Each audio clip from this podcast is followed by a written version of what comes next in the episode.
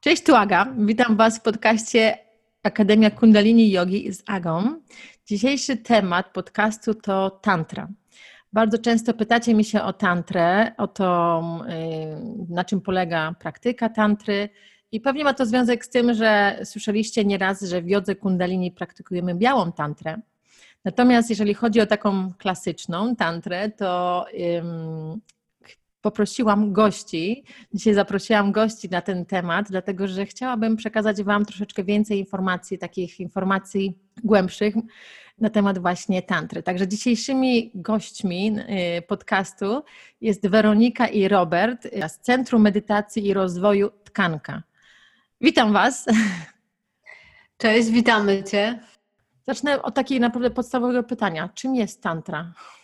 Słuchaj, zanim e, też e, przejdziemy może do szczegółów i do konkretnych odpowiedzi, to e, też chcielibyśmy powiedzieć, że no my praktykujemy buddyjską tantrę i w naszych zajęciach głównie czerpiemy z niej, więc też chciałbym, żeby to wybrzmiało, że będziemy raczej mówić z tej perspektywy i pewne rzeczy, które będziemy mówić, no mogą na przykład nie, nie reprezentować albo nie odzwierciedlać tego, jak to wygląda na przykład w tantrze siwaickiej, tak, w różnych tych bardziej bym powiedział hinduskich systemach tantry, więc fajnie by było gdzieś sobie to trochę oddzielić, bo e, nie wchodząc taka szczegółowo w historię, jest tam trochę związków i trochę podobieństw, ale są też duże różnice. Więc e, czym jest tantra? Czym jest tantra? Tantra, e, samo słowo, tak jak go używamy w buddyjskiej tantrze, oznacza ciągłość. I fajnie powiedzieć o tej etymologii słowa tantra i tym, jak używa się go w buddyjskiej tantrze, bo ono trochę tłumaczy, czym jest tantra i o co w niej chodzi. Ciągłość to znaczy, e, według tantry, nasz stan, stan jednostki jest e, taką ciągłością, naprzemiennością, ruchu, myśli i ciszy, spokoju. Czyli to już pokazuje ciekawą rzecz na temat tantry, bo są takie ścieżki duchowe, podejścia do rozwoju, w których się mówi, że nasza prawdziwa natura to jest ta cisza pomiędzy dwiema myślami i jak będziemy tę ciszę rozszerzać i osadzimy się tylko w tej ciszy, to to jest ta nasza prawdziwa natura, to jest to oświecenie. Natomiast Tantra mówi, że zarówno ten stan spokoju, jak i ten ruch są częścią naszego stanu, są częścią tego, kim jesteśmy, więc e, Tantra mówi, że powinniśmy zarówno być świadomi ciszy, jak i tego ruchu. Znajdujemy wtedy to przebudzenie, czy, czy oświecenie, czy jak tego byśmy jeszcze nie nazwali, zarówno w spokoju, jak i w ruchu. Nie przez odrzucenie myśli i poruszania się, ale przez taką integrację. I to jest fajna sprawa, bo nasz nauczyciel też mówił, że każdy, kto właśnie jest w stanie medytować, jest w stanie to sprawdzić we własnym doświadczeniu. To znaczy, możemy dostać taką instrukcję, e, spróbuj znaleźć, gdzie jest Twój umysł, albo e, spróbuj znaleźć, czym jest Twoja myśl, albo gdzie w tym momencie znajduje się Twoja myśl. No i szukamy jej, i nic nie znajdujemy, nie? Natrafiamy na ciszę, natrafiamy na pustkę, umysł się na chwilę zatrzymuje. Więc jest stan, ten stan spokoju, ale za chwilę umysł powie o, spokój. O, spokój. tak, albo pustka, albo... Albo mam to, znalazłem. Albo nic nie ma, ale to już będzie myśl, to już będzie ten ruch, więc to jest, to jest ta naprzemienność. E, natomiast e, jeszcze czym jest tantra? Tantra oryginalnie, pierwotnie buddyjska tantra jest ścieżką do przebudzenia, jest ścieżką do wolności. Do, do przebudzenia, do wolności, jest ścieżką do osiągnięcia tego stanu Buddy. E, I tutaj jest taki ciekawy e, motyw, który odróżnia tantrę od reszty buddyjskich ścieżek. E, to po pierwsze tantra, nazywamy ją ścieżką opartą na owocu, dlatego że dużo systemów praktyki buddyjskiej uważa, że stan ten Buddy, to przebudzenie jest czymś, co osiągamy w wyniku praktyki. No więc przez jakiś czas medytujemy, rozwijamy w sobie różne jakości i w pewnym momencie stajemy się tym Buddą i to jest ten owoc tej praktyki. A Tantra mówi, my ten owoc już mamy w sobie. Nasza natura, to kim naprawdę jesteśmy, to jest ta natura Buddy, więc my nie musimy tego osiągać, my jedynie to odsłaniamy. Więc tutaj jest używana taka metafora, że ta nasza prawdziwa natura jest jak słońce, które zawsze tam jest, natomiast to słońce może być skryte przez chmury naszej niewiedzy, jakichś nawyków, napięć i e, wszystkich tych przygodnych tendencji. I kiedy to wszystko oczyścimy, to, to odsłonimy tę naszą już doskonałą naturę Buddy. Więc to jest e, to, jest to co różni tantrę od wielu innych ścieżek. A druga sprawa, która odróżnia tantrę od innych podejść buddyjskich, ale to już będzie bardziej odnośnie tego, jaka jest metodologia, czy co się robi w tantrze, Tantra jest tak zwaną ścieżką transformacji. To chyba już wchodzimy w inne pytania. Mhm. Ale, czyli na początku też powiedziałeś, e, powiedzieliście obydwoje, że jakby są różne tantry, tak? Czyli wasza, wasza e, ścieżka, tak? Można powiedzieć, czy jest to tantra buddyjska, natomiast jakieś są inne rodzaje tantr. Czy moglibyście jeszcze do tego wrócić na początku i powiedzieć mi, nie wiem, różnicę, jaka to jest, czym się różni? Czy też to jest e, to, o czym teraz mówiłeś, to jest typowe dla tej tantry buddyjskiej, czy też to jest typowe dla wszystkich tantr? To odkrywanie tego, że mamy to już w sobie, e, tak jak mówiłeś, to słońce, które przykryte jest chmurami, które musimy jakby oczyścić, tak, odsunąć. Czy to jest typowe dla wszystkich tantr, czy to jest właśnie typowe dla tantry buddyjskiej?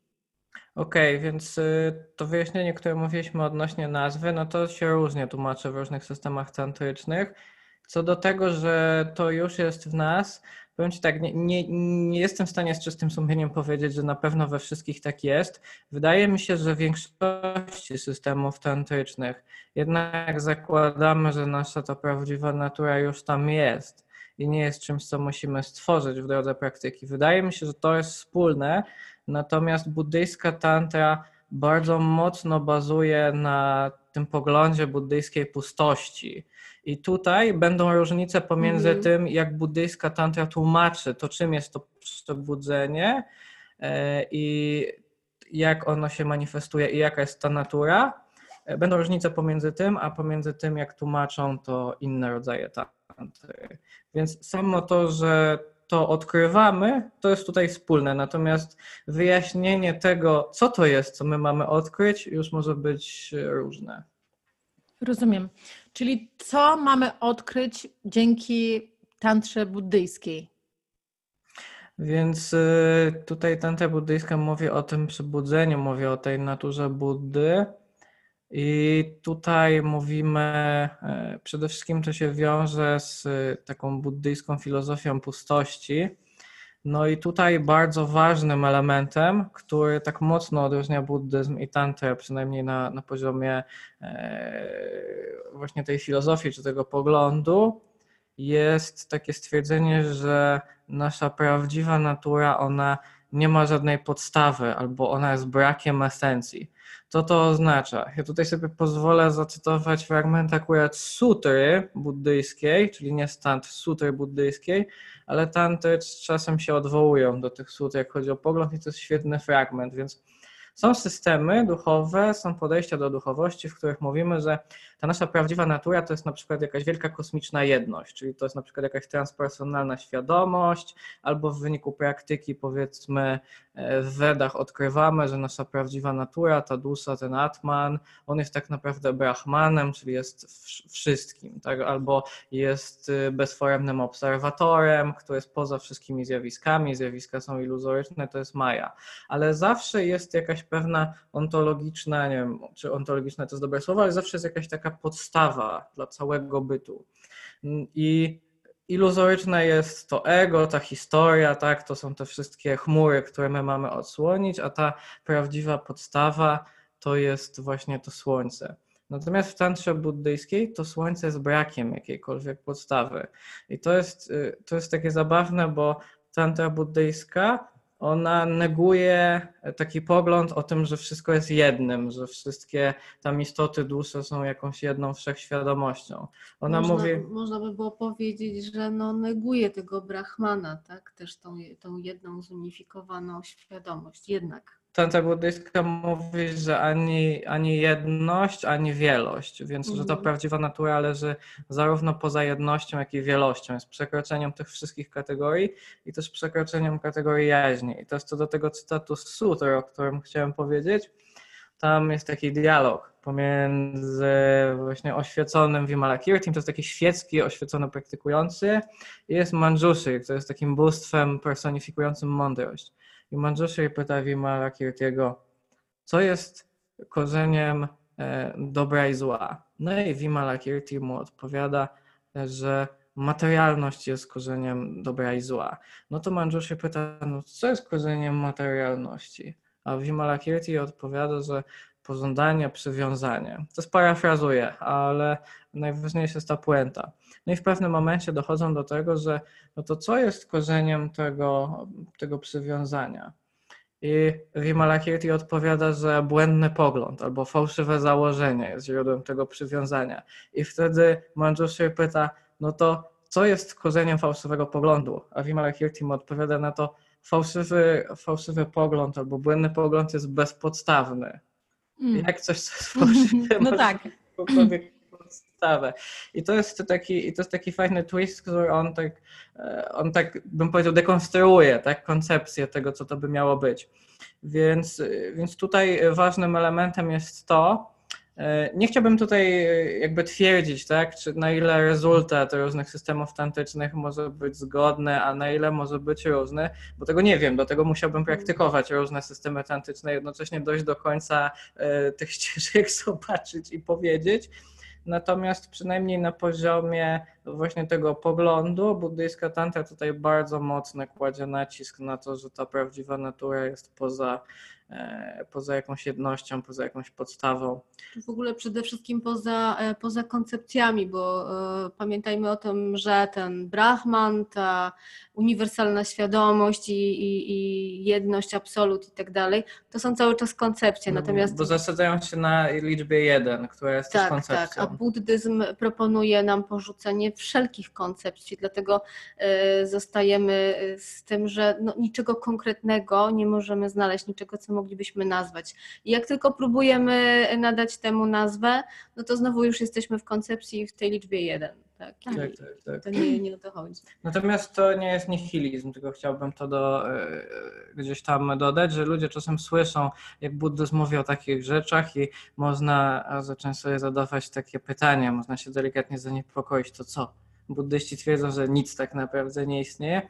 No nie, dalej jest tak, że, że rzeczy się jawią, że się wydarzają, e, słyszymy dźwięki, widzimy kolory, tak? To wszystko jest.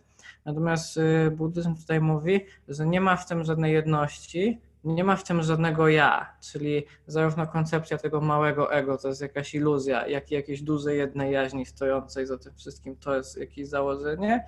I buddyzm jeszcze tutaj dorzuca oczywiście ten aspekt niedualny, czyli y, on jest fajnie wyrażony takimi pięknymi słowami. y, W widzianym jest tylko widziane, a w słyszanym jest tylko słyszane i w poznawanym jest tylko poznawane. Czyli co to znaczy, że w widzianym jest tylko widziane?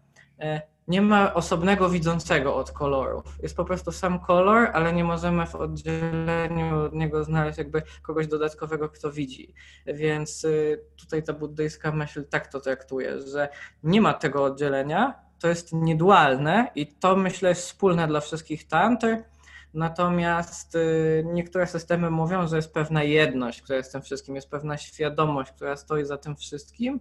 Natomiast buddyzm tutaj mówi, że e, w tych, y, że ta świadomość jest po prostu pewną jakością, że my słysząc dźwięki, widząc, tak, one są w jakiś sposób przejrzyste, jawią się nam. Więc w tym sensie ta świadomość jest tak jak, tak jak y, ogień jest ciepły, każdy płomień jest ciepły, tak, każde zjawisko ma ten aspekt, powiedzmy, poznawczy, że się nam jawi, tak, że oświecona osoba nie jest jak kamień, który jest nieprzytomny i niczego nie doświadcza, ale słyszy, widzi. Więc wszystkie zjawiska są w tym sensie uświadomione, ale to, że wszystkie są, nie oznacza, że wszystkie są jedną świadomością według buddyzmu. Tak samo jak to, że wszystkie płomienie są ciepłe, nie oznacza, że wszystkie płomienie są zrobione z jednego ciepła, że wszystkie Mhm. są jednym. Więc to jest może takie trochę filozoficzne, natomiast te rozróżnienia dla praktyki buddyjskiej, w tym buddyjskiej tantry, one są bardzo ważne. Bez nich e, ta medytacja po prostu, przynajmniej w obrębie samego buddyzmu, ona nie będzie poprawnie działać, chociaż, tutaj drobna różnica, buddyjska tantra stawia bardziej niż na filozoficzne metody, to co tak sobie teraz wykładamy może teoretycznie, stawia jednak bardziej na bezpośrednie doświadczenie, uzyskiwane takimi metodami jogicznymi, można powiedzieć. Jest też taki moment, w którym y, intelektualnie możemy zrozumieć pustkę, tak, że gdzieś tam nie znajdujemy y, tej esencji w y, zjawiskach, osobach, przedmiotach. Natomiast co innego jest podjąć praktykę kontemplacyjną, przyjrzeć się takiemu mm, tej rzeczywistości tak konkretnie, czyli e, na przykład przyjrzeć się swojemu ciału. Niemniej, niemniej te praktyki doprowadzają do takiego autentycznego doświadczenia tego, tak? nie tylko zrozumienia intelektualnego. Niemniej to jest dosyć istotne, żebyśmy o tym pamiętali, że możemy coś intelektualnie zrozumieć, ale to jeszcze będzie trochę za mało. Tak, mhm. ogólnie takie jest też podejście jogi, w jodze kundalini, my też to o tym mówimy, że y, jakby wiadomo, filozofia, ta teoria jest ważna, ale wszystko to opiera się na praktyce, tak? Czyli dopiero podczas praktyki tak naprawdę doświadczamy i to zrozumiemy. Nie tylko jakby ucząc się, czytając o tym, ale poczując, czując na sobie. A kiedy mówiłeś, y, kiedy mówiłeś o tym właśnie podejściu na przykład y, ciepła czy koloru, to też czasami zastanawiam się nad tym, bo tak jak ja widzę na przykład kolor zielony, to nie wiem, czy ty widzisz tak samo ten kolor zielony, czy inna osoba, albo czuje ciepło. Więc y, to też y, takie, mi się wydaje, to o czym ty mówiłeś, prawda? Że czyli jakby nie, nie, ten jeden kolor zielony, czy to ciepło, które my odczuwamy, nie jest jednością, bo nie jesteśmy w stanie wiedzieć, jak to odbierają też inni. Czy też, to, to jest też ma z tym związek? Nie, nie, nie do końca bym powiedział. To jest bardziej idzie w taką stronę, że e, czasem e, pytają e, mędrcy nas tak w różnych systemach duchowych, oświeceni mędrcy próbują nam na to wskazać, kim tak naprawdę jesteś. I teraz czasem odpowiedzią, którą możemy na to usłyszeć, jest na przykład jestem świadomością albo duchem, który przejawia się we wszystkim. Czyli tak jakbyśmy wszyscy byli zrobieni z czegoś jednego, czyli wszyscy jesteśmy takimi namalowanymi postaciami, ale farba, z której to wszystko jest zrobione, jest jedna, nie? Więc czasem, czasem słyszymy coś w ten deseń, albo wszyscy jesteśmy jak fale jednego oceanu. To są takie bardzo znane metafory. Natomiast tutaj w buddyjskiej tantrze mówimy tak, nie możemy powiedzieć, że jesteśmy czymś różnym w naszej najgłębszej esencji, bo jednak kiedy zbadamy naszą najgłębszą naturę, która jest właśnie pusta, ale też jest świadoma, bo nie możemy powiedzieć, że w naszej prawdziwej naturze w ogóle nie ma świadomości, no bo nie jesteśmy w stanie doświadczyć niczego poza świadomością i myślę, że każdy, kto przez chwilę medytował, zastanawiał się nad tymi rzeczami, zauważył, że nie da się doświadczyć niczego bez świadomości, co jest po prostu niemożliwe. Natomiast jeżeli, jeżeli zakładamy, że istnieje coś poza świadomością, no to jest tylko założenie, koncepcja.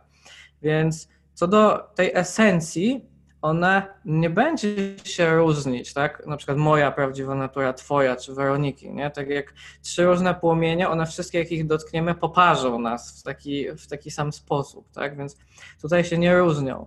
Ale nie możemy powiedzieć, że wszyscy jesteśmy jednym w takim sensie, że jeżeli na przykład ty, Agnieszko, się oświecisz, na przykład teraz w pełni się przebudzisz, to ja się na przykład nie przebudzę, nie? Jakby mi, mi, to nic nie da, nie? Ty będziesz mi mogła dawać jakieś instrukcje, powiedzieć, że zobacz, nie? Rób takie, a to takie praktyki, spójrz na swój umysł, ale ja nie będę tego doświadczał, tego przebudzenia, które ty masz, więc w tym sensie nie możemy powiedzieć, że wszyscy jesteśmy jednym, więc ani nie jesteśmy dwoma różnymi, ani nie jesteśmy jednym, więc Tantra właśnie w ten sposób o tym mówi.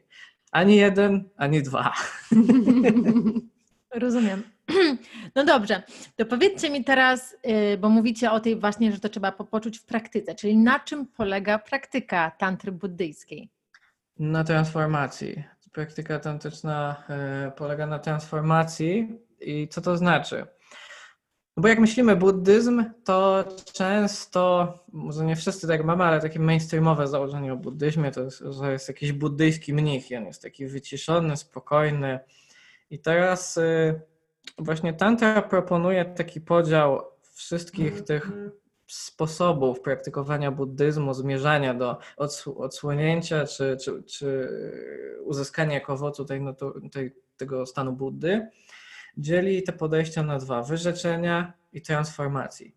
Wyrzeczenie to jest to z tego skojarzenia z tymi spokojnymi mnichami, czyli wyrzekamy się świata, czyli jest to samsara, to odradzanie się, kolejne wcielenia. No i to wszystko jest tylko taki kołowrót, który do niczego nie prowadzi według tych podejść opartych na wyrzeczeniu, więc trzeba e, całą tę samsarę wygasić i kiedy ją wygasimy, to będzie nirwana. Nirwana w takich podejściach to jest zgaśnięcie całej tej samsary. Nirwana nie jest udaniem się do innego miejsca, tylko jest zgaśnięciem całego tego samsarycznego mechanizmu. Czyli tak jak gaśnie płomień, nie możemy powiedzieć, że ten płomień udał się na północ, czy na zachód, na wschód, czy na południe. On po prostu zgasł, więc oni poszukują takiego, takiego wygaszenia w tych podejściach opartych na wyrzeczeniu. I to pociąga za sobą pewien stosunek do życia w tych podejściach. Na przykład tam w ogóle bardzo mocno stawia się na bycie mnichem. Zresztą w niektórych tekstach takich buddyjskich z tak zwanego kanonu palijskiego, czy z niektórych takich wczesnych szkół buddyjskich, w ich tekstach mówi się, że arahatem, czyli tym, który osiągnął to wygaszenie w wyniku praktyki buddyjskiej, nie może zostać osoba świecka. Mówi się, że jeżeli jest się osobą świecką, ma się dom, ma się jakieś przedmioty, to nie, nie osiągnie się tego stanu arahata. Podczas gdy inne mówią, że jest to możliwe, ale jak ktoś zostanie arahatem, to on po prostu wyjdzie ze swojego domu i już nie wróci. Więc tam jest takie podejście. Trochę się to zmienia w tak zwanym buddyzmie Mahayana, do którego należy Tantra, który mówi, że taka osoba może dalej prowadzić życie świeckiego człowieka, ale nie dla siebie, tylko i wyłącznie, żeby pomagać innym e, na tej drodze do nirwany. Więc to jest jedna rzecz, czyli oni wyrzekają się życia i metodologia pracy też jest taka wyrzeczeniowa, czyli w medytacji raczej wygasza się myśli, dąży się do takich medytacyjnych wchłonięć, takich stanów uspokojenia, gdzie doświadczamy nieskończonej przestrzeni, nieskończonej świadomości, nieskończonej nicości i jeszcze subtelniejszych stanów ani istnienia, ani nieistnienia. Ja myślę, że ten spokój, o którym mówiliśmy na początku, że tu będzie, to będzie taki przykład właśnie e, pracy opartej na tym, żeby wydłużać te, te okresy spokoju. Tak, z tym z tą drobną różnicą, że oni tam jakby nie uważają, że samo to kultywowanie tego spokoju. Jakby w buddyzmie nigdy nie uważa się, że sam, e, samo kultywowanie spokoju, wyciszenia, zatrzymania myśli w medytacji prowadzi do tej wolności. Zawsze tu się mówi, że potrzebny jest ten wgląd, chociaż w tych wyrzeczeniowych sposobach praktyki uważa się, że poza tym wglądem ten spokój i to wyciszenie jest bardzo ważne. No i to też pociąga za sobą dalej pewne e, takie kwestie dotyczące zachowania czyli praktykujący takiego buddyjskiego wyrzeczenia no, powstrzymują się od alkoholu, raczej nie będą słuchać muzyki.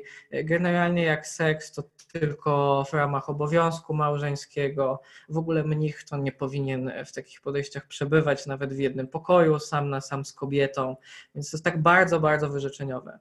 Natomiast tantra jako a, jeszcze zanim przejdę do tantry. I tam są dwa takie podejścia wyrzeczeniowe. Jedno mówi, że trzeba po prostu wszystkiego się pozbyć, pozbywamy się myśli, pozbywamy się emocji, coraz mniej angażujemy się w te życiowe aktywności, aż w pewnym momencie jesteśmy wygaszeni całkowicie i już osiągamy tę nirwanę. Y, buddyzm Mahajany mówi trochę inaczej o tym i on też stosuje wyrzeczenie, ale na zasadzie wyrzekam się negatywnych emocji, czyli pożądania, gniewu, zazdrości, jakiegoś lenistwa, dumy i na ich miejsce kultywuje pozytywne jakości, jakieś szlachetności, czyli cierpliwość, miłującą dobroć, współczucie. To też jest wyrzeczenie. Dlaczego? Ponieważ wyrzekam się jednej tej złej rzeczy, tak jakby miał stare, niefajne ubrania, ciuchy w szafie i wyrzekam się, wyrzucam, dobra, lecę na śmietnik i zamiast tego kupuję takie nowe, ładne, świętne, piękne, czyli zamiast tych złych rzeczy kultywuje coś szlachetności. I teraz jak się ma do tego tantra? Tantra mówi buddyjska, że nie musimy się niczego wyrzekać, bo skoro nasza prawdziwa natura już jest tym stanem Buddy, to to wszystko, co się w nas dzieje, już w swojej esencji jest oświecone, jest tą wolnością. A więc nasze emocje według Tantry w swoim pierwotnym wymiarze są już mądrością Buddy. Oczywiście one mogą z powodu naszych napięć, nawyków, z powodu naszej niewiedzy, mogą jakoś funkcjonować tak niefajnie. Na zasadzie pojawia się gniew i na przykład bijemy kogoś, tak, wyżywamy się na kimś albo tłumimy to w sobie. Odpowiednie praktyki, my odkrywamy taki pierwotny, czysty potencjał tego gniewu, jako takiej właśnie mądrości, jako takiej przejrzystej energii wtedy on już nie jawi się w naszym doświadczeniu jako taki e, właśnie ten dualistyczny, ten taki pomieszany gniew, ale przejawia się jako taka czysta, mądra energia. Więc y, Tanta uważa, że transformujemy. No i do tej transformacji jest wiele różnych metod. Jest czasem wyróżnia się jeszcze podejście tak zwanego samowyzwolenia, ale to jest jakby jeszcze głębiej niż Tanta i może o tym sobie powiemy, nie wiem, później, bo, bo to by było już za dużo też takich rozróżnień na, na ten moment. Czyli z tego, co mówicie, z tego, co powiedziałeś, powiedziałeś, praktyka tej tantry buddyjskiej, czy ona może być praktykowana przez normalnych ludzi mieszkających w mieście, mających rodziny, związki? Dokładnie, bo właśnie przez to, że e, ta praktyka jest oparta na, tym, na tej transformacji czy na przekształceniu, no to tantra jest bardzo pro-life. Skoro w tym wszystkim możemy odkryć ten pierwotny, mądry, czysty potencjał, to nie musimy porzucać domu, możemy uprawiać seks, ba, nawet według niektórych systemów tantrycznych możemy pić alkohol, czyli robić takie rzeczy, które są w ogóle nie do pomyślenia, tak, w tych takich wyrzeczeniowych systemach buddyjskich. Więc możemy według Tantry prowadzić zwyczajne świeckie życie i być w pełni oświeconym Buddą, że jest, jest to możliwe z tantrycznego punktu widzenia.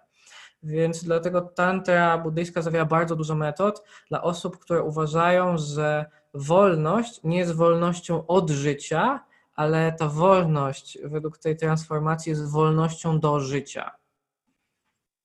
Hmm? Czyli żeby znaleźć tą, o czym mówiłaś Weronika wcześniej, tą pustkę czy, i, i ten stan taki, to właśnie też żyjący jakby normalnie, tak? Czyli nie musimy być gdzieś na nie wiem, mm, w jakiejś, e, właśnie nie musimy być mnichem, nie musimy się wyrzec wszystkiego, żeby poczuć tą pustkę, tylko właśnie jakby odwrotnie znaleźć tą pustkę, kiedy żyjemy w cudzysłowie w chaosie.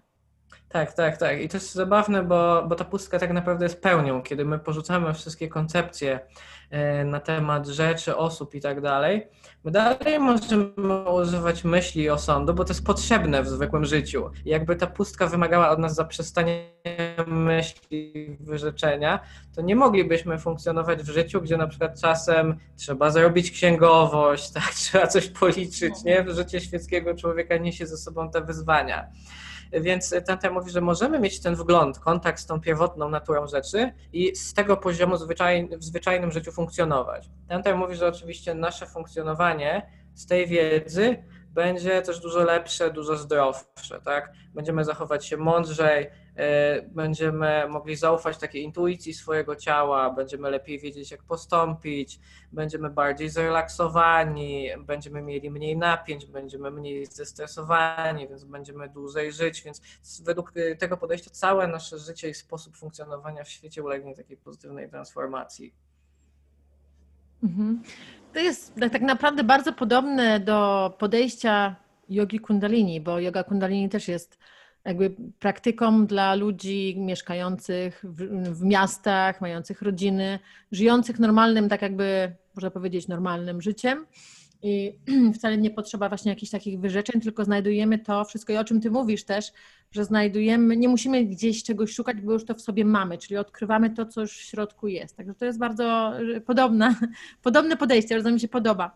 Ale też chciałabym, żebyście dali mi przykład teraz takiej praktyki, czyli ktoś, kto do Was przychodzi pierwszy raz na tantrę, od czego za rozpoczyna? Na czym, się, na, czym, na czym polega praktyka, jakby powiedzieć, w praktyce? Czyli na czym polega medytacja? Czy jak, jak, jak wy praktykujecie tą tantrę buddyjską?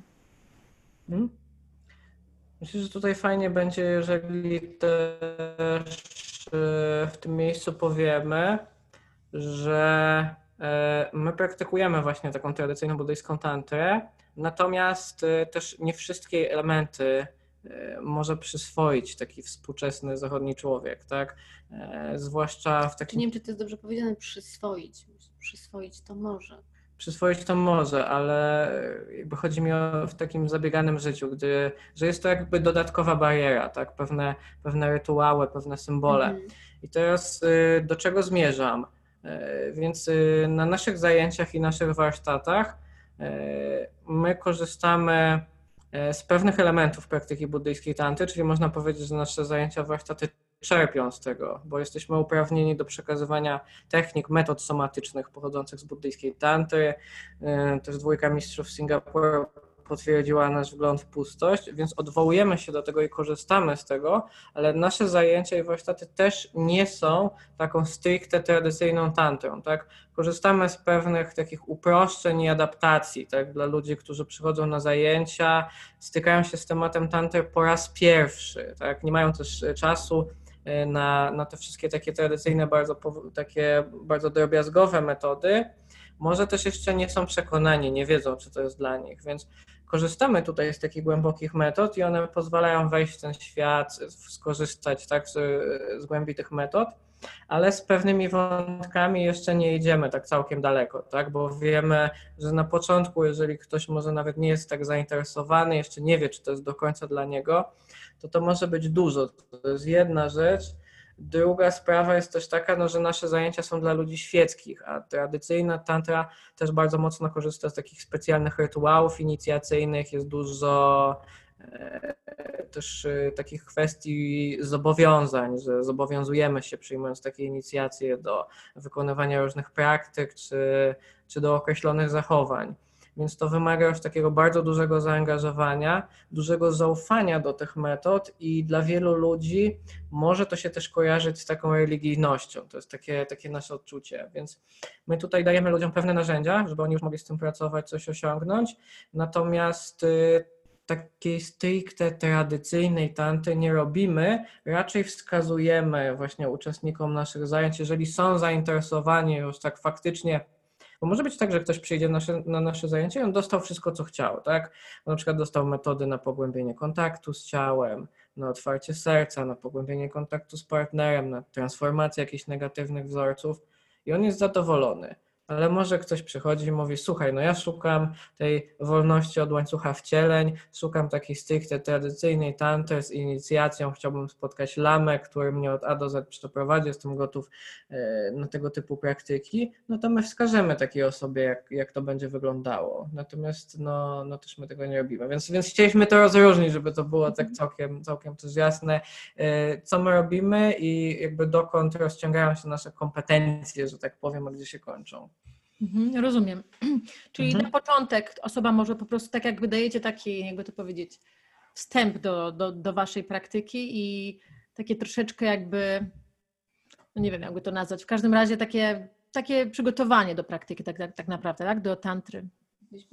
Przygotowanie w pewnych aspektach powiedziałbym, e, że, idzie, że w pewnych aspektach to jest tylko przygotowanie, w pewnych idziemy już bardzo głęboko, bo na przykład w takich metodach somatycznych, które ja mogę przekazywać, e, no już mamy dosyć zaawansowaną pracę właśnie z czakrami, z napięciami w ciele, z otwieraniem różnych ośrodków, więc y, na niektórych, na niektórych polach nie wchodzimy aż tak całkiem głęboko, nie robimy na przykład odosobnień w ciemności, co się stosuje w tradycyjnej tantrze.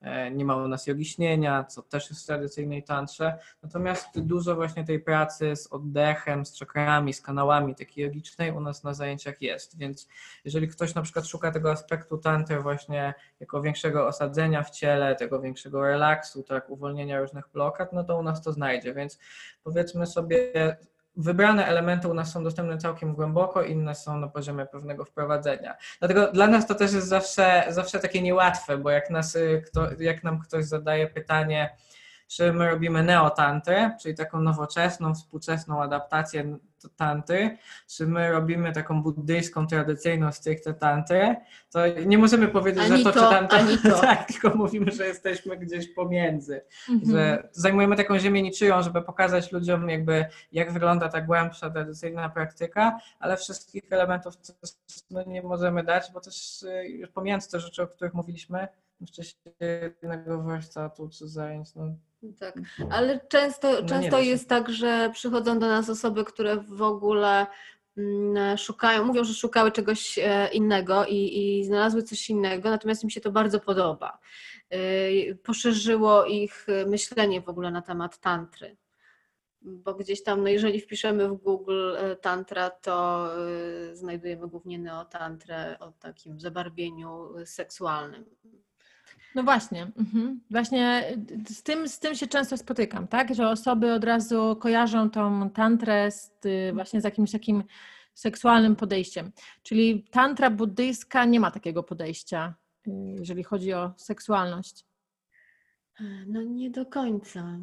To jest y, powiedział tak, w tradycyjnej praktyce tantrycznej seks to jest 5% tradycyjnej mm -hmm. praktyki tantrycznej. Natomiast y, nie mówię, że w całej no, tantrze, ale można zauważyć takie podejścia. Proporcje są odwrócone. Można zauważyć, tak, tak, można zauważyć też takie propozycje, że tak to nazwę na rynku tantrycznym, gdzie proponuje się 95% seksualności. Ale nawet załóżmy, że to nie jest tylko sam seks, multiorgazmy i takie tam rzeczy, to często dalej w neotantrze się trochę zawęża tylko do tematu relacji, nie? czyli bliskość, relacje, intymność.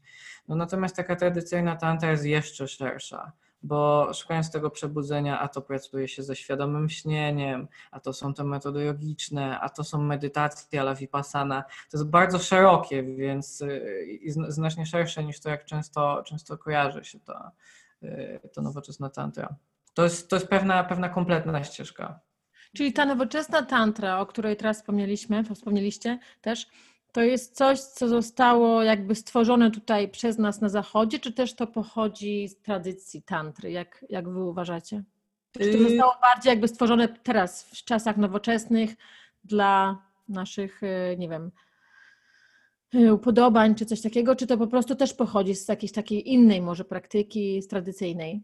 Ta neotantra, o której mówicie, że jest więcej seksualności, a mniej, a dużo mniej jakby podejścia takiego nie wiem, y, duchowego. Poszukiwania wyzwolenia, można mhm. powiedzieć, nie? Tak. to tak i nie, tak i nie. Y, myślę, że to jest, to pytanie nie ma prostej odpowiedzi, bo to, mhm. są, to są pewne złożone procesy. Y, taka ciekawostka, jak słyszymy masaże tantryczne, to jest w ogóle często ludzie po raz pierwszy słyszą o tantrze poprzez masaże tantryczne, to na przykład masaże tantryczne powstały chyba w Niemczech w latach 70., coś takiego.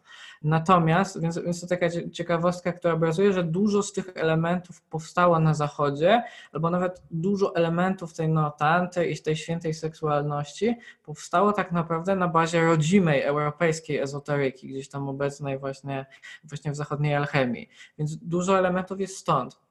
Oczywiście dużo bierze się też ze wschodu, tak? Ludzie właśnie wykorzystywali e, różne praktyki jogiczne, które istniały w, właśnie na wschodzie i też dotyczyły tej seksualności, no i eksportowali je na zachód. Robili to zarówno ludzie z zachodu, którzy tam przyjeżdżali, tak, odwiedzali Indię, dowiadywali się o tym, no jak i ludzie ze wschodu, tak, widzieli, że e, ludzie z zachodu szukają tej wiedzy, tak, są głodni tego, zwłaszcza, że e, no też ta seksualność pobudza wyobraźnię. Tak, to jest najbardziej chyba takie, e, co, co ludzi jakby przyciąga do tego, tak, takie prowokujące, można powiedzieć, tak? Tak, więc dużo z tych technik też pochodzi z takich bardziej tradycyjnych praktyk, natomiast e, no, była w tym, nie chciałbym powiedzieć, że wybiórczość, ale była w tym taka selekcja e, jednak na rzecz seksualności często. Nie zawsze to były elementy jakby samej tradycyjnej praktyki tantrycznej, bo bardzo trudno jest znaleźć takie też elementy tej tradycyjnej praktyki. Kiedyś było trudniej, teraz może być trochę łatwiej. Dużo elementów do neotanty brało się tak naprawdę z Kamasutry. No y, tak, bo, bo właśnie y, tantra szuka tego przebudzenia, natomiast całą tą sztuką właśnie miłości y, w Indiach była Kamasutra i dużo rzeczy bierze się z Kamasutry, a Kamasutra też czasem jest w popkulturze prezentowana w sposób spłycony, bo myślimy Kamasutra i pojawiają się obrazy pozycji seksualnych, Kama Sutra to e, traktowała poza też samą techniką Arsamandi, traktowała też o tym, jak powinny wyglądać właściwe zaloty, o tym, jakie role mają mężczyźni i kobiety, e, jak powinna wyglądać komunikacja pomiędzy nimi, więc e, to było bardzo szerokie i duża część tej wiedzy trafiła na zachód jako tantra, więc mamy tutaj no mamy tutaj pewną mieszankę tak, Mhm. tego wszystkiego. Tak? Jest, y, nie, nie jest nigdy łatwo to wszystko, że tak powiem, e, uporządkować. Trochę opiszcie mi też, jak wygląda praktyka. Czy to się po prostu siedzi w stanie medytacyjnym i się medytuje, czy są jakieś pozycje, nie wiem, tak jak w jodze, czy coś jest takiego charakterystycznego właśnie dla tantry buddyjskiej? Metody. Przede wszystkim taką bardzo ważną, centralną metodą w buddyjskiej tantrze jest praca z tak zwanym bóstwem medytacyjnym. Więc y, to jest jedna z najważniejszych metod, gdzie w pierwszej fazie tak zwanej budowania wizualizujemy się albo wizualizujemy na zewnątrz bóstwo, które jest symbolem tej naszej natury Buddy, czyli wizualizujemy jakiegoś Buddę albo Bodhisatwę i staramy się coraz bardziej utożsamiać z jego jakościami. To są różne podejścia, tak, tak jak powiedziałem, są takie, gdzie wizualizujemy to jako coś zewnętrznego, co nas błogosławi, wysyła nam, nadaje nam moc, a są takie systemy, gdzie my siebie wizualizujemy jako takiego Buddę. To jest ta faza budowania, natomiast w fazie spełniającej my teraz sprawiamy, bo taka sama wizualizacja to jest dalej dosyć mentalne, nie? to jest jeszcze jakiś rodzaj halucynacji naszego tworu. I w fazie spełniającej następnie my zakorzeniamy się tak bezpośrednio w tym wglądzie somatycznie z ciała poprzez metodę właśnie pracy z czakrami, z kanałami, z oddechem. E, więc te dwie fazy często są takim modelem całej tej praktyki tantrycznej. One nie we wszystkich podejściach tantrycznych są, ale w większości buddyjskich je znajdziemy. I poza tym do tych obydwu faz e, możemy znaleźć bardzo wiele różnych metod. I to może być taniec, to mogą być właśnie praktyki tańca. Na przykład my praktykujemy taniec wajry, to mogą być praktyki jogi, jak na przykład yantra yoga, to mogą być też salungi, czyli to będą takie właśnie bardziej praktyki z ruchem, z jakimiś asanami, tak. E, no będą praktyki pranayamy z oddechem, kierowaniem właśnie energii w ciele w określony sposób, na przykład wchodzeniem do kanału centralnego, otwieraniem poszczególnych czakr w ciele, więc mogą to być praktyki jak najbardziej takie na siedząco z tym, lub mogą być takie wykorzystujące elementy ruchu. To jest bardzo różnorodne. E, mogą być praktyki takiej e, medytacji, medytacji bym to nazwał, takie, gdzie na przykład analizujemy to doświadczenie, tak jak mówiliśmy wcześniej, rozkładamy na czynniki. Mogą być takie jak vipassana, że obserwujemy myśli, obserwujemy wrażenia. Takie metody też są używane w tantrze. Badamy esencję, badamy energię tych emocji za pomocą określonych wskazówek do kontemplacji.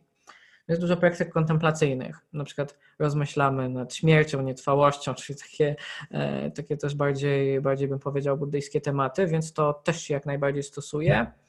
Poza tym będą praktyki takie bardziej szamańskie, bym nazwał, czyli na przykład takie rytuały, e, takie, gdzie kontaktujemy się z, poprzez różne symbole z innymi płaszczyznami, z innymi wymiarami istnienia, e, gdzie właśnie wizualizuje się w takich zantropomorfizowanych formach różne te energie i wchodzi z nimi w kontakt, więc dużo takich praktyk gdzie y, wykorzystuje się jakieś instrumenty, jakieś y, na przykład do wydawania dźwięków, jakieś y, takie rytualne rekwizyty, więc dużo też jest takich praktyk.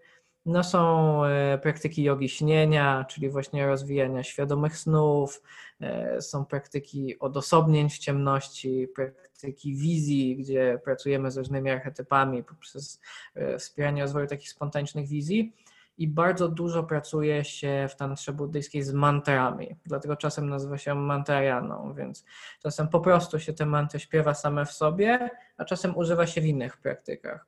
Na przykład w tych rytualnych, albo jak praktykujemy z tymi bóstwami, to każdy z nich ma swoją, tak, to każdy z nich ma swoją mantrę ta praktyka tantry buddyjskiej ma jakby wiele aspektów, różnych narzędzi, tak, które wykorzystuje.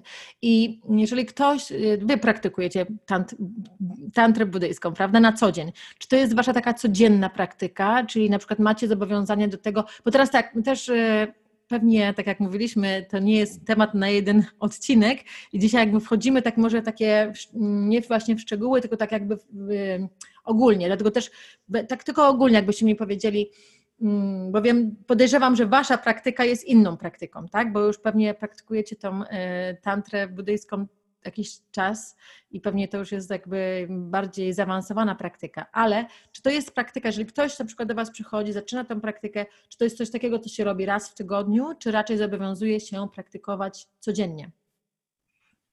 No, my, my, my praktykujemy codziennie i y, też y, my praktykujemy dzogchen, więc u nas jest trochę tantry, trochę, trochę dzogchen, aczkolwiek w tej chwili praktyki, które robimy są bardzo tantryczne. Pracuję, pracujemy w sumie z, z bóstwami medytacyjnymi, więc to jest y, czysta tantra. I staramy się medytować codziennie przez około dwie godziny. Natomiast y, no, życie codzienne weryfikuje nas i różnie, różnie to bywa. Staramy się, y, aby nie było to y, dla nas problemem, że tak jest. To też sobie wypracowaliśmy. Natomiast to jest nasze, nasze indywidualne, nasze własne zobowiązanie, które podjęliśmy w naszej relacji tantrycznej, ponieważ praktykujemy razem. I jest y, ta praktyka y, takim fundamentem też naszej relacji, można powiedzieć. Mhm, natomiast y, te dwie godziny, no to gdzieś wynikają z tego, że my podążamy pewnym programem. Tak jak Weronika powiedziała, my też praktykujemy dzogchen. Ono wywodzi się z praktyki tantyzmu buddyjskiego, ale dzogchen jest jeszcze czymś troszeczkę, troszeczkę innym. Tak. Przecież jest mocno osadzone w tej tantrze, ale, ale to może może później, może w przyszłym spotkaniu, jeżeli będzie, będzie okazja, to może tego dotkniemy. Natomiast takim nowym osobom nie sugerujemy aż tyle praktyki, mm, tak? My, no my wiemy, tak, tak, tak, wiemy, że, że to jest y, dla kogoś, kto dopiero zaczyna, to jest to wykonalne, bo chociażby ze względu na to, że osoba, która dopiero zaczyna jakiś temat, ona często nawet nie ma wystarczającej motywacji, ona dopiero tego próbuje, nie ma jeszcze na tyle narzędzi, nie jest przyzwyczajona do robienia tego. My się spotykamy z osobami, z którymi pracujemy na kursach, spotykamy się raz w tygodniu, prowadzimy tantrę przez około półtora, no przez półtorej godziny lub więcej, bo, bo zostajemy też często na pytania, odpowiedzi z uczestnikami. Natomiast zachęcamy uczestników do tego, żeby pracowali codziennie, udostępniamy im nagrania z materiałami z zajęć. Mają zajęć co najmniej dwie lub trzy Y, praktyki, z którymi mogą dalej pracować. Pozostawiamy też, co jest dla nich na ten moment y, dobre. Więc oni sobie mogą, mogą wybierać. My dostarczamy y, tych narzędzi i jest ich naprawdę dosyć sporo no bo tak jak mówię, na każdych zajęciach są co najmniej dwa, trzy zajęcia, tych zajęć w tej chwili mamy... W sensie dwa, trzy... Y, dwie, trzy praktyki, tak, dwie, trzy metody i tych zajęć jest to około dziesięciu, no więc, y, więc tego jest dosyć sporo. Zawsze na początku mhm. pracujemy z sobie mantrą, bo to jest świetna praca w kręgu, właśnie jak wszyscy razem mantrujemy w jednym dźwięku. E, I na każdych zajęciach zawsze jest albo jakaś medytacja, albo jakaś kontemplacja, albo praca wyobrażeniowa, na przykład jakaś taka głębsza podróż wewnętrzna, na przykład mm -hmm. wizualizujemy anime albo animusa i pracujemy właśnie E, ze swoją e, wewnętrzną męską lub żeńską stroną, właśnie poprzez pracę z wizualizacją, albo ostatnio kontemplowaliśmy z uczestnikami efekt lustra, więc e, wypisywali sobie różne jakości, które zauważają u osób, z którymi w jakiś sposób rezonują i szukali tego w sobie poprzez pracę wyobrażeniową. Zawsze mamy jakąś metodę somatyczną czyli albo pokazujemy takie tantyczne metody na uwolnienie napięć i traum z ciała, albo na otwarcie ośrodków energetycznych, już o tym była mowa parę razy, czyli mhm. na przykład mamy u nas praktyki z otwieraniem czakry serca, bardzo dużo, bo wiemy, że jednak dalej ludzie szukają we współczesnej tantrze jednak tej głębi w relacjach mocno, od tego nie uciekamy, więc dajemy takie elementy. E, czasem te praktyki somatyczne dajemy w kontakcie z drugą osobą, więc e, są na przykład praktyki jakieś z dotykiem, tutaj zawsze robimy to w ubraniach, my staramy się podchodzić do tego z, z takim dużym szacunkiem dla naszych uczestników i raczej podchodzimy do tego w taki, w taki bezpieczny sposób, nie naruszając niczych granic, ale takie metody też dajemy, no i dajemy zawsze jakieś elementy, czy to ruchu, czy tańca. Więc to teraz zależy, tak? Bo e, na przykład te techniki dotykowe, no nie jest powiedziane, że ktoś musi siąść i wyznaczyć sobie 20 minut, żeby to robić. Bardziej jak para to dostaje, to kiedy oni już razem się ze sobą dotykają, tak? Kiedy, kiedy razem no, to nie jest formalna praktyka. Tantra to jest przede wszystkim coś, co my robimy w życiu codziennym. Tantra tak naprawdę znajduje się w naszym stosunku do życia i podejściu do wszystkich sytuacji, więc my zachęcamy przede wszystkim uczestników do wdrażania tej wiedzy w swoje relacje, w to, jak odczuwają swoje ciało na co dzień, w to, jak dotykają partnera. Oczywiście dobrze jest trenować, Natomiast y, tutaj odnosząc się do Twojego oryginalnego pytania, zachęcamy przede wszystkim uczestników do regularności, że nawet jeżeli nie macie minut dużo... mogą wygospodarować, ale zrobią to regularnie, to e, wyrabiają sobie nawyk, nawyk, nawyk e, podchodzenia do medytacji czy praktyki codziennej. Tak? I to jest e, bardzo dobry start, bo potem te 5 minut łatwiej jest rozszerzyć o kolejne minuty. Natomiast odkładanie codziennie prowadzi do tego, że przychodzimy znowu na zajęcia z tantry i niczego nie robiliśmy w międzyczasie. Jeszcze tutaj staramy się też, żeby to było indywidualne, bo zawsze dajemy uczestnikom możliwość zapytania nas, poza tymi nagraniami. Zawsze gdzieś na koniec wysyłamy też takie formularze, za pomocą których mogą opisać, co jak im szło w trakcie kursu, co ich zainspirowało, a z czym w ogóle sobie nie radzili. I dajemy jakieś rady, z czym sobie mogą pracować, pytamy ile mają czasu, więc osobom, które są chętne y, do tego, staramy się trochę pomóc, do, może inaczej, staramy się trochę doradzić, jak one mogą e, sobie e, już zorganizować tę własną, samodzielną praktykę e, w trakcie kursu czy poza kursem. Czy na Wasze kursy osoby, które przychodzą na Wasze kursy, to są właśnie osoby, przychodzą jakby pojedyncze, czy właśnie przychodzą to osoby pary? Wiem, bardzo pary. różnie, bardzo różnie. I yy, tak jak w sumie w Warszawie mamy większość e, singli, tak e, w Łodzi jest pół na pół. E, także to, to wiesz, jest, nie, nie, chyba nie znaleźliśmy na razie jeszcze reguły. Są i pary, są i single.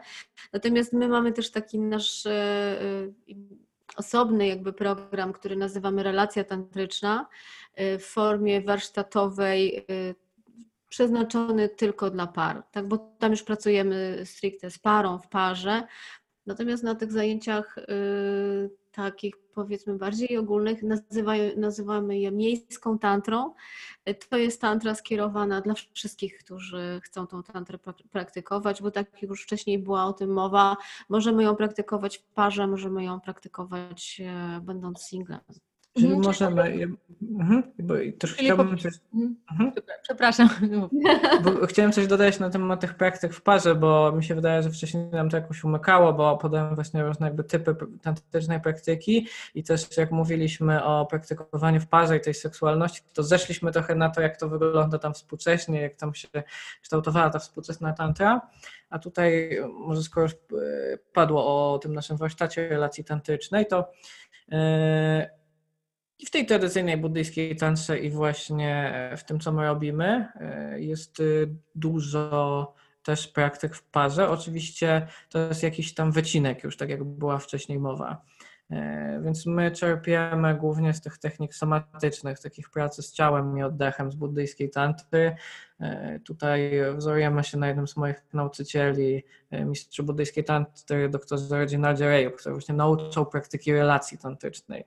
Relacja tantyczna to jest taka relacja nastawiona na rozwój, na wzajemne e, szukanie tego przebudzenia, zarówno indywidualnie, jak i razem w relacji. To jest takie wspieranie się i tutaj e, stosuje się do tego różne metody. Tak? Czy pracujemy właśnie w medytacji z partnerem, E, ściągamy z niego projekcje, tak, czyli uwalniamy tę naszą wizję partnera od jakichś tam naszych e, właśnie takich dziwnych wyobrażeń. Ja bym powiedziała, że jest dosyć spory właśnie nacisk na takie postrzeganie tej drugiej osoby w sposób taki właśnie wyzwolony i niekonceptualny przede wszystkim, tak? Czyli pytamy nasze serce, pytamy nasze ciało, y, staramy się otrzymać informacje skądinąd niż y, z naszych wyobrażeń i umysłu, przeciwdziałając takiej tendencji, że ten umysł wie, tak? Y, przeciwdziałając takim sytuacjom, kiedy nie pozwalamy na przykład dojść partnerowi do głosu, bo przecież ja wiem, co ty chcesz powiedzieć. Tak, tak. To już to tak opiera na takiej bezwarunkowej, można powiedzieć, miłości, tak? Czyli miłości nie, nie w sensie zawsze mm, romantycznej miłości, tylko do człowieka, tak? Czyli zupełności akceptacja i nieoczekiwanie, nie jakby y, posiadanie oczekiwań do tej osoby, tylko jakby akceptacja dokładnie takiej, jakiej jest. Pewnie. Tak, I, I umiejętność dostrzeżenia jej właśnie, tak? Przez Mhm. ten odsunięcie. Taką tej- ciekawość też, przez taką ciekawość też, odkrywanie tej osoby. Dokładnie, to, dokładnie. Tak, tak, tak. Poza tym to uwolnienie od tych oczekiwań naszych i tych filtrów pozwala drugiej osobie rozwinąć skrzydła, bo ważna jest i ta bliskość w relacji, ale też taka przestrzeń, że Mhm. pozwalamy tej drugiej osobie nas zaskakiwać i też e, sobie zaskakiwać siebie, tak? Ostatnio mówiliśmy o tym na zajęciach, że e, jeżeli kochamy naszego partnera, to nigdy nie chcielibyśmy być w życiu naszego partnera tą osobą, która podcina skrzydła, mówiąc, a ty to nie potrafisz robić takich rzeczy, to by się pewnie nie uda. To jest bez sensu i nie tylko ogranicza to nas oboje, ale jeszcze gdybyśmy nie pozwalali partnerowi właśnie się tak swobodnie manifestować, to prędzej czy później skończylibyśmy w tym miejscu, gdzie jesteśmy zawiedzeni i mówimy, myślałem, że jesteś inna, czy coś takiego, te, tego, tego typu historie, więc w tantrze w ogóle idziemy w innym kierunku, tak, to jest zawsze, zawsze jest taka nowość, zawsze jest taka świeżość, przez co w relacji tantrycznej e, tak naprawdę miłość rośnie przez cały czas trwania relacji, a nie spada, jak to bywa w takich pustych związkach, w których nie pracujemy nad tym w żaden sposób. Jest to naprawdę niesamowity temat, bardzo mnie też to interesuje i mm, czasami mi się wydaje, że odkrywamy to też, mm, nie wiem, będąc już bardziej świadomi siebie i taką, kiedy posiadamy taką większą mądrość tak, w naszym życiu.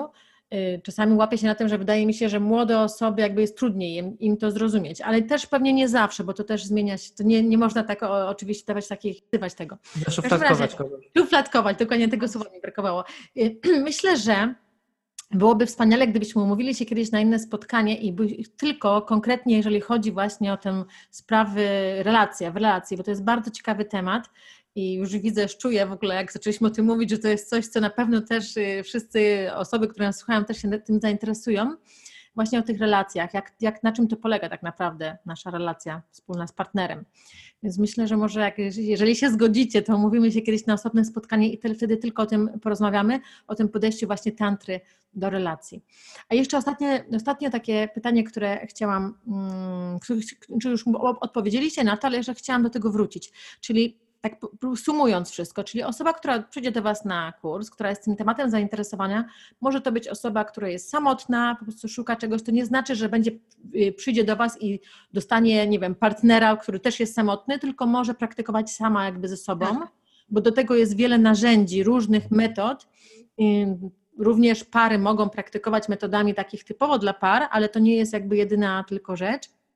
A druga też rzecz, o której mówiliście, y, że to jest praktyka dla wszystkich, że nie, nie, nie, musimy się wyrzekać różnych rzeczy, tylko mm, tak z tego zrozumiałam, że tak jakby też trochę może być to takim naszym wyzwaniem, że właśnie mm, posiadając te wszystkie inne rzeczy, w tym na, praktyka polega też na tym, że posiadając te wszystkie rzeczy, szukamy tego, tego, tego spokoju, tej ciszy, tej pustki, y, a niekoniecznie, bo łatwo by nam było po prostu, tak można powiedzieć, wyrzucić wszystko z domu i wtedy nam jest łatwo być w takiej pustce. Teraz oczywiście tak porównałam to do fizycznego podejścia, takie fizyczne podejście, a może właśnie bardziej jakby trudniej jest nam, posiadając te wszystkie rzeczy, i też znaleźć tą pustkę. Tak samo jak czasami się medytuje, tak? Medytujemy i chcemy ciszy dookoła, a tak naprawdę możemy medytować też, kiedy jest chaos i też możemy być w tej pustce. Czyli to takie jest trochę wyzwanie, prawda? Że jeszcze wtedy głębiej wchodzimy w ten, w ten stan, tak naprawdę wchodzimy w ten stan, kiedy potrafimy, potrafimy być właśnie w tym chaosie, ale znaleźć tą pustkę. Tak to zrozumiałam z tego, Tak, co tak, tak, tak. Więc, Tak, dobrze e, nas. Więc wsk- wskazując na, na ki- kilka z tych elementów, tak żeby, żeby już to dokończyć i fajnie spiąć to, co właśnie powiedziałaś, tak, tak dokładnie to wygląda, że jak przychodzą do nas osoby, to mogą praktykować same. Są oczywiście takie praktyki, gdzie zachęcamy do medytowania z drugą osobą, bo to są praktyki też, które w ogóle przydają się w życiu na co dzień, bo tantra to głębokie relacje nie tylko z partnerem, ale też e, to potrafi być znaczący uśmiech i autentyczny kontakt wzrokowy z przypadkowo napotkaną osobą, czyli uczymy też ludzi otwierać serca, czy doświadczać właśnie z poziomu różnych otwartych czakr na, e, na różne osoby. E, no, w praktykach z dotykiem, gdzie uczymy właśnie jakiegoś dotyku, czy na przykład odpuszczania granic ciała, takiego zlewania się z drugą osobą, no tutaj, e, tutaj nie, nie zmuszamy nikogo do praktykowania z drugą osobą. Raczej pokazujemy, jeżeli ktoś przychodzi indywidualnie, e, pokazujemy, jak nauczyć się tego jeszcze bez partnera, żeby no, później wykorzystać tę wiedzę, kiedy nadarzy się okazja do tego. Natomiast jak pracujemy z parami, no to oczywiście one sobie wtedy robią te techniki.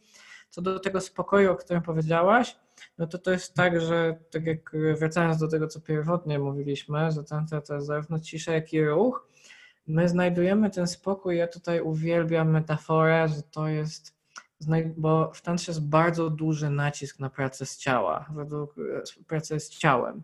Według tantry w pełni przebudzona osoba jest w pełni osadzona w ciele nigdzie nie dysocjuje, nie odlatuje od tego ciała, ale jest w pełni obecna w swoim fizycznym ciele i znajdujemy wtedy poprzez takie praktyki, też takie somatyczne metody praktyki z ciałem, sobie taką niesamowitą głębię. We własnym ciele znajdujemy taką głębię, jak, jak taki niezmierzony, e, taki wszech, wszechogarniający głęboki ocean. I to jest tak, że kiedy my potrafimy czerpać głęboko z tego zasobu, to tutaj w tym życiu na powierzchni może się dziać wszystko, tak? Może być, mogą być sztormy, mogą być burze, mogą być huragany, ale my czerpiąc, będąc osadzeni też w tym głębokim spokoju, jesteśmy w stanie to wszystko przyjąć, bo te sztormy na powierzchni nie mogą w żaden sposób poruszyć właśnie tych głębin naszej istoty. Ja, Więc... bym, ja bym tutaj jeszcze dodała, że te sztormy na powierzchni my też rozpoznajemy, że ich natura również jest pusta.